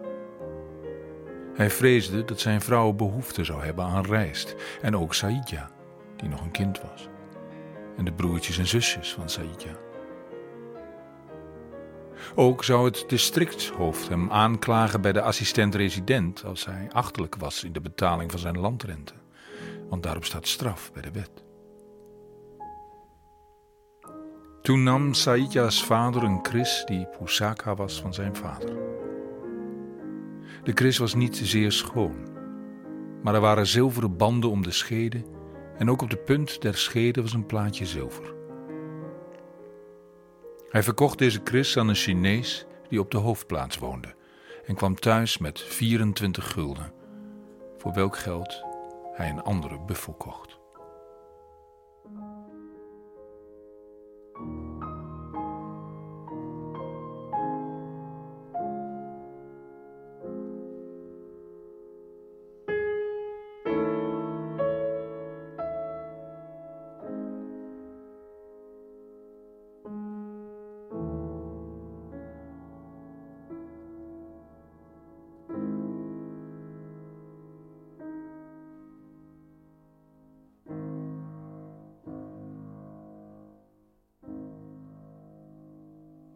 Multatuli zijn geschrift valt niet op dovemans oren. Uh, er wordt naar geluisterd. Ook andere auteurs gaan reageren op uh, de, de schandvlek die Nederlands-Indië geworden is. Men spreekt zelfs van een ereschuld. En dat Nederland niet zomaar kan gaan plunderen voor eigen gewin en de plaatselijke bevolking kan uitbuiten. En dus dat uh, cultuurstelsel wordt hoe langer hoe meer gevraagd. Iemand als Dommelan Nieuwenhuis, de socialistische voorman, gaat zelfs in het parlement als eerste pleiten om de kolonies af te schaffen. Multatuli gaat zelf niet zo ver. Hij pleit voor een humaner kolonialisme. En dat komt er eigenlijk. Het gehate cultuurstelsel wordt stilaan afgebouwd en wordt vervangen door het plantagestelsel. En dat betekent dat niet langer de staat de grond gaat verpachten, maar dat allerlei privéondernemers uit Nederland, maar ook uit het buitenland, mogen beginnen met plantages te houden en daarop personeel aan te werven. En dat is een enorme omwenteling. Het cultuurstelsel wordt vervangen door het plantagestelsel. En dat betekent dat uh, vele Javaanse boeren niet langer kinine koffie, thee en suiker gaan, verbouwen voor de Nederlandse staat, maar dat ze in dienst komen van een privéondernemer en dat ze op het eind van de week iets krijgen wat ze daarvoor nog nooit gezien hebben. Kleine, roestige stukjes metaal, muntgeld, duiten. Er worden honderdduizenden duiten gestampt om de plaatselijke Javaanse boeren mee te betalen. Munten bestonden enkel in de, aan de kust in de havensteden. Al eeuwenlang werd dat daar gebruikt als ruilmiddel. Maar nu, voor het eerst in de binnenlanden, worden mensen betaald met munten. En die munten zijn van belang. De monetarisering van een samenleving is van belang, omdat je vervolgens op een andere manier belasting kan gaan heffen. Mensen moeten niet langer hun rijstoogst afstaan. Mensen moeten niet langer koffie of thee gaan kweken in opdracht van de overheid, maar ze kunnen volstaan met een deel van die duiten terug te geven die ze gekregen hebben van hun werkgever. Maar het is niet omdat die arbeiders, die Javaanse boeren, plotseling muntgeld krijgen, dat hun ellende allemaal voorbij is. Integendeel, die Europese plantagehouders gedragen zich per momenten nog slechter dan die Javaanse adel die vroeger de oogst kwam ophalen. En een ongelooflijk citaat wat daarover bestaat, eh, komt van een, eh, van een Indonesische bestuursambtenaar die in de jaren twintig vertelt hoe het er in de 19e eeuw aan toeging. In die dagen gold als natuurgetrouwe beschrijving van een Europeaan dat deze iemand is met een zware stem, een grote stok in de hand en van wie men niets anders hoorde dan pardon. Zo werd algemeen de Europeaan beschreven en van ouder tot ouder werd de dorpelingen vrees voor hem ingeboezemd. Zo zal het geen verwondering baren dat men voor de onverwachte of gedwongen aanraking met een Europeaan zich van toverformules of beschermende amuletten voorzag om de invloed van zulke wezen terdege te kunnen weren. Je hoorde niets anders dan perdon dus. Dan moet je weten dat de, in Indonesië de, de V als een P wordt uitgesproken. Een, een selfie is een selfie. Dus perdom is verdom, verdomme. Dat is wat ze te horen kregen van die Europese plantagehouders. En misschien wel de meest dramatische plek als het gaat over de uitwassen van het plantagestelsel was de noordkust van Sumatra. Daar in de, buurt van de Delhi-rivier was ontdekt dat er ongelooflijk goed eh, tabak kon geteeld worden. En op dat moment wordt overal in Europa en ook in Noord-Amerika ontstaat de mode van het sigarenroken. En nu blijkt dat op Sumatra het allerbeste dekblad voor de sigaren, het blad dat aan de buitenkant van sigaren zit, kon gekweekt worden. Vandaar dat veel merken van sigaren op houten doosjes tot op de dag van vandaag Sumatra heten. Ehm, en er ontstond een ongelooflijke boom aan uh, tabaksplantages. Uh, het eind van de 19e eeuw waren er een kleine 200 van die plantages actief. En er kwamen investeerders uit Nederland, Engeland, Duitsland, zelfs Rusland, Amerika, allemaal om uh, tabaksplanten te gaan kweken. En in de oerwoud stampen ze een stad uit de grond, want dat is vrij dun bevolkt. En de oerwoudbewoners zelf willen absoluut niet in die plantages gaan werken. Dus men moet contractarbeiders gaan aanvoeren. En die worden massaal vanuit China aangevoerd. Eerst vanuit Singapore en Penang, het Maleisische schiereiland, later vanuit China zelf. En er worden ook vanuit Java worden er mensen aangevoerd. Eh, alles samen gaat het over ongeveer 170.000 mensen die daar komen. En die werden coolies genoemd. Het woord coolie vandaag geldt op bepaalde plekken in Nederland als, als scheldwoord voor Hindoestanen uit Suriname. Maar destijds betekende het contractarbeiders, mensen die in loondienst werkten van die plantages. Strikt genomen waren dat geen slaven. In de praktijk kwam het wel daarop neer. Meestal hadden ze een contract van vier, vijf jaar, maar men deed er alles aan dat ze hun contract moesten verlengen. En de beste manier om dat te doen was ervoor te zorgen dat die mensen zich in de schulden staken. En de beste manier om hen in de schulden te steken was ervoor te zorgen dat ze mochten gokken en dat ze opium mochten roken. Dus je zat met een bevolking die uh, zijn geld, zijn zuur verdiende geld op de plantages meteen verdeed in allerlei gokketen en, uh, om, en vervolgens hun miserie en vermoeidheid probeerde te verbergen door opium te gaan roken. Opium hielp bovendien om langer de pijn te verduren en nog langer om de tabaksplantages te kunnen werken. En bovendien, koloniale administratie was gering, heel veel veiligheid, heel veel politie uh, was daar niet. De plantagehouders zelf mochten eigenlijk een soort uh, politiearbeid zelf verrichten. Het ging er ruw, brutaal, moorddadig aan toe. En dat allemaal dus omdat er in Europa en Amerika heren graag aan een sigaartje zaten te lurken. Het ging niet alleen over plantages van tabak. Ook elders zie je nieuwe vormen van industrie die ontstaan. Zelfs de mijnbouw komt op gang. Goud, steenkool, rubber, tin, heel belangrijk. Maar misschien het belangrijkste is dat er iets gevonden wordt uh, dat in het Grieks heet rotsolie. Petros oleum, petroleum. Uh, en in 1890 wordt al de Koninklijke Nederlandse Maatschappij tot exploitatie van petroleumbronnen in Nederlands-Indië opgericht erg lange bedrijfsnaam afgekort de Koninklijke. En een jaar later, 1891, uh, eh, volgt de Britse, Brits bedrijf Shell Transport and Trading Company. En nu is iets heel grappig. Shell is aanvankelijk begonnen als een klein handelsorganisatie, een klein bedrijfje, dat uh, schelpen vanuit Japan en andere delen van Azië naar Europa proberen te transporteren. Vandaar de schelp in het logo, vandaar de naam. Maar bij het prospecteren naar schelpen ontdekte men ook een beetje rotsolie. En uh, het leek, de, het waren twee broers, de gebroers uh, Samuel. Het leek hen interessant om naast de sierschelpen misschien ook wat rotsolie te verkopen als lampolie. Zo is het begonnen. En in 1907 gaan die twee bedrijven, de Koninklijke en de British Shell Transport and Trading Company, gaan versmelten tot de Royal Dutch Shell Group. En uh, tot op vandaag natuurlijk de kroon van de Nederlandse economie. De besmeurde kroon van de Nederlandse economie. Met als dochteronderneming toen de Bataafse Petroleummaatschappij, BPM. En die staat in voor het oppompen en raffineren van de olie. En BPM zal ongelooflijk belangrijk worden en gaat de hele koloniale economie domineren. Ze hebben 44 concessies over heel Indonesië en ze waren actief over 32.000 kilometer. Dat is een gebied groter dan België. Olie werd big business en het zou het lot van Nederlands-Indië in de 20e eeuw diep gaan bepalen.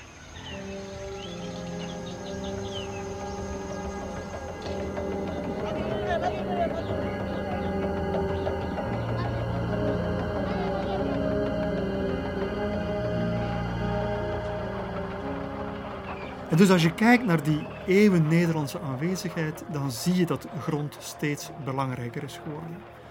Eerst een beetje grond voor een fort, dan een beetje grond omdat daar nootmuskaatbomen en kruidnagelbomen groeien. Later vanaf 1700 gronden om koffie, thee en suiker op te verbouwen. En in de 19e eeuw gronden om plantages te hebben. Plantages voor van alles en nog wat, voor tabak. En vervolgens de industrie. De industrie heeft steeds meer grond nodig. Dus een maritiem project wordt echt een territoriaal project. Een handelsonderneming wordt een koloniale onderneming.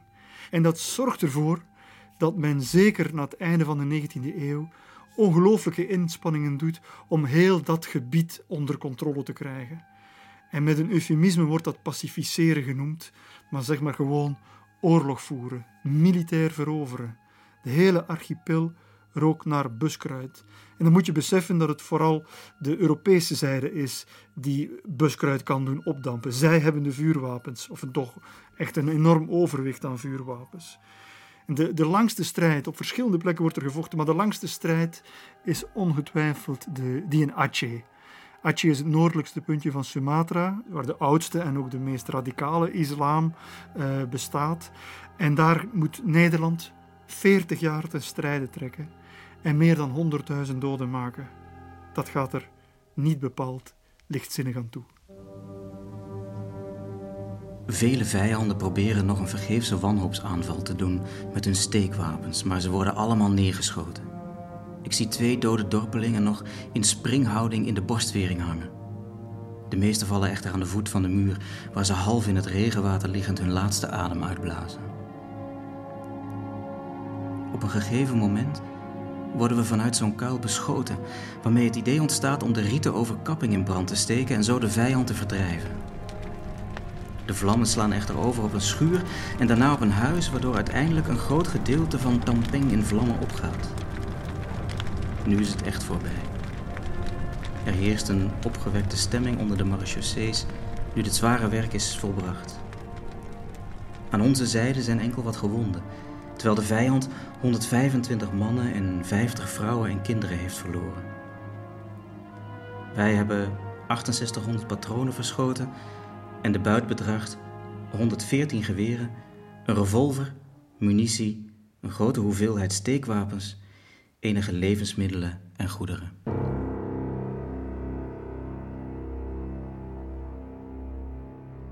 Het is volop oorlog. Dit is het verslag van adjudant Kempes. Hij is deel van een expeditie en dit is een van die vele slagen, de slag om Tamping in 1904.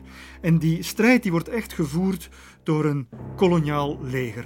Sinds 1830 heeft Nederlands-Indië het KNIL, het Koninklijk Nederlands-Indisch Leger. En dat is inmiddels uitgegroeid tot een troepenmacht van tussen de 30 en de 40.000 soldaten. Dat is best wel veel.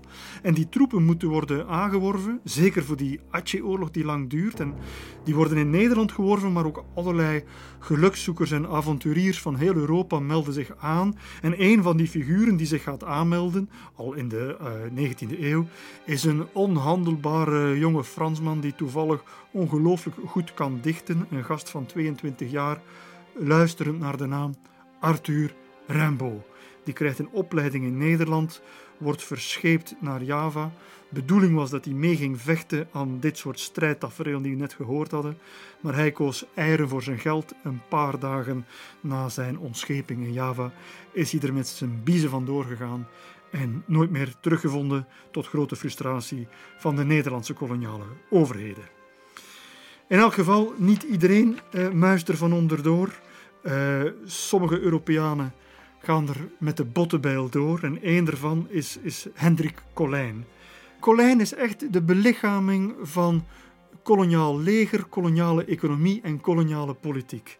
Uh, op dat moment, bij de strijd om Lombok, is hij nog een jonge officier en hij schrijft naar zijn streng Calvinistische boerenouders een brief waarin hij zijn verbazing uitdrukt over hoe, hoe massaal die plaatselijke bevolking zich verzet tegen die Nederlandse pacificatie.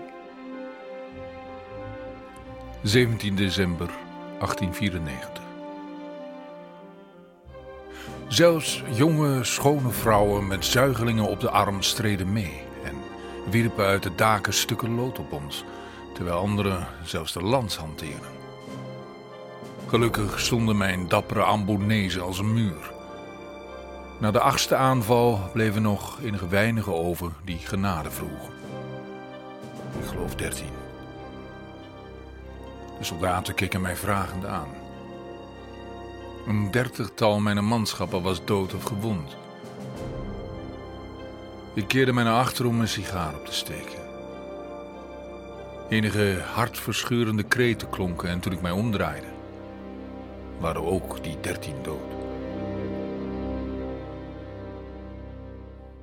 Terwijl hij nog een sigaar opsteekt, schrijft Colijn ook een brief aan zijn vrouw en daarin stelt hij het nog een beetje letterlijker. Ik heb negen vrouwen en drie kinderen die genade vroegen op een hoop moeten zetten en zo dood laten schieten. Het was onaangenaam werk, maar het kon niet anders. De soldaten regen ze met genot aan hun bajonetten.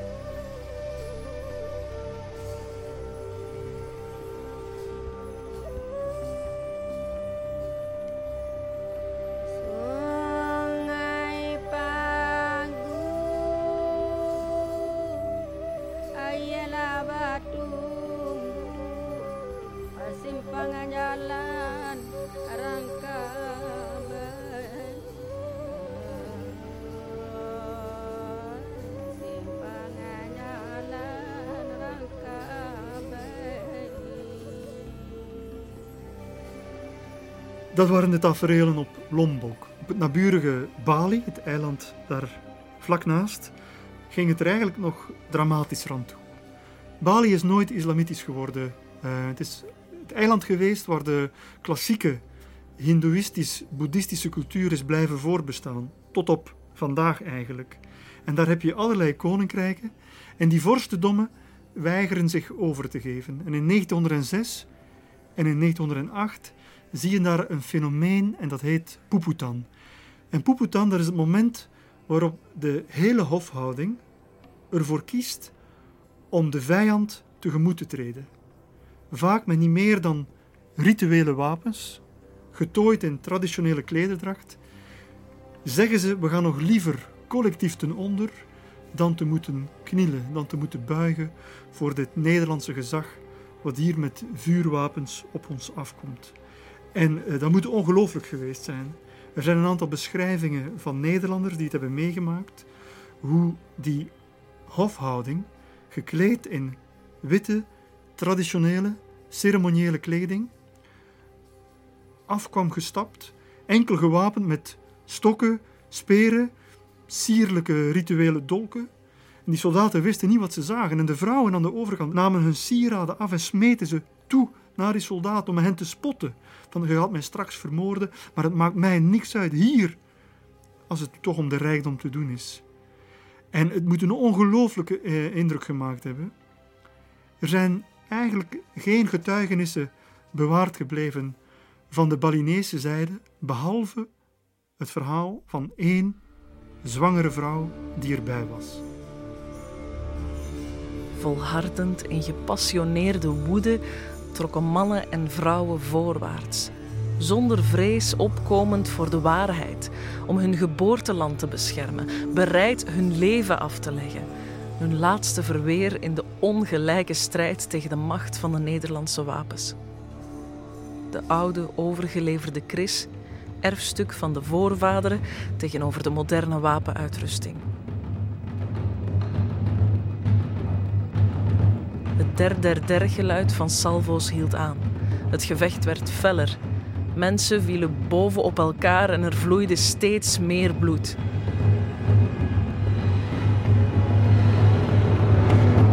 Na een heftig gevecht viel de vorst, gewapend met de geërfde kris, tenslotte in de schoot van moeder aarde, geveld door een kanonskogel in zijn nek.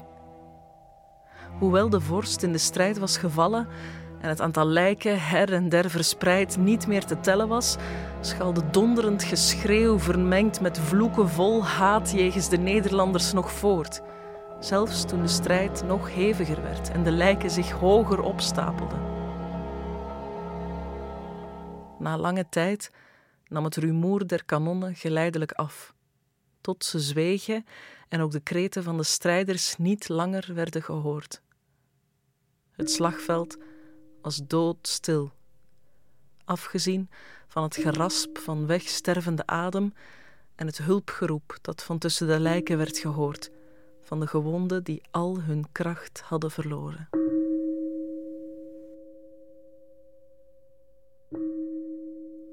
Bij die Puputan van 1906 kwamen naar schatting 3000 mensen om het leven en het koloniale leger plunderde na afloop hun lijken. Op die manier werd Nederlands-Indië onder gezag gebracht.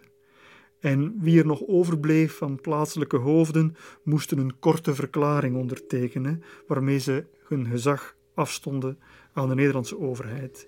Enkel vier vorstendommetjes op Centraal-Java eh, mochten nog een beetje ritueel verder doen. Tot op de dag van vandaag zie je dat steden als Surakarta en Yogyakarta nog een klassieke feodale adel hebben. In Yogyakarta heb je nog altijd een sultan. In Surakarta een Susuhunan, zo heet het. Daar heb je ook nog echt nog een hofhouding met een paleis. Toch is er ook in Nederland verontwaardiging over die gang van zaken.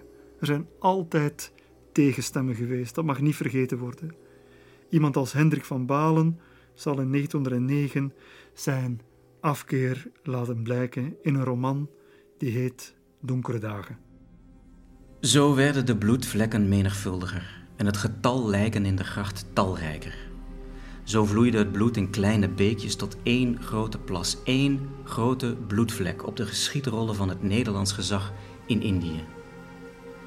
En dan noemen wij ons christenen. Dan durven wij beweren dat wij koloniseren tot heil van de ingeborenen. Oh, ik spreek niet van Holland alleen. Als ik van wij spreek, dan bedoel ik daarmee de Europeanen. Dan bedoel ik alle volken die de hooggeloofde beschaving en de jenever komen brengen aan tot daartoe in gelukkige onwetendheid levende, tevredene heidenen, welke het dan met leden ogen moeten aanzien hoe en passant hun land wordt afgenomen, hoe een vorst wordt beroofd van zijn macht, hoe de dochteren van hun volk worden onteerd als zij zich niet vrijwillig willen lenen daartoe, worden gegezeld. Alles onder het mom beschaving, christendom, lotsverbetering. In 1600 begon het met geldgewin. Hoe kunnen we goedkoper aan specerijen geraken? Het is inmiddels 1914 en het draait nog altijd om geldgewin. En ondertussen is dat enorme eilandenrijk, wat inmiddels Nederlands-Indië is gaan heten, is voor het eerst onder Nederlandse vlag gebracht. Heel dat gebied uh, wordt eh, verbonden met Nederland. Er komen uh, stoomboten, er komen telegrafielijnen, er worden allerlei scheepsverbindingen tussen die eilanden gelegd. De puzzel is gelegd en die wordt ook gelijmd door allerlei vormen van samenwerking, uitwisseling, handel en, en, en mobiliteit. Nederland voelt zich ongelooflijk trots op het gepresteerde. een nieuwe gouden eeuw lijkt aangebroken reden genoeg om trots te zijn. En Hendrik Colijn, degene die in Lombok zo vreselijk tekeer is gegaan, zegt dan ook op de radio het volgende. Zulk een ontzaglijk werk dat de eeuwen door daar in Azië en in het Westen verricht is geworden door een handjevol mensen. Want wat zijn tenslotte die enkele tienduizenden werkers onder een bevolking van nu ongeveer 65 miljoen zielen. En toch zijn het die mannen, bijgestaan vaak ook door hun vrouwen, die erin slagen om daar in het verre oosten en in het westen de beschaving, de cultuur te brengen die nodig is om die volken op te heffen tot hoger pijn. Dat moet het Nederlandse volk weten.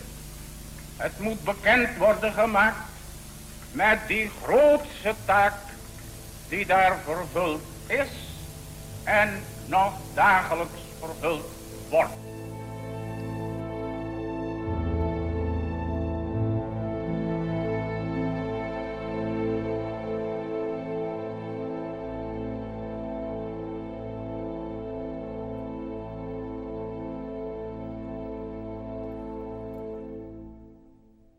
Dit was een podcast van Clara in samenwerking met de correspondent.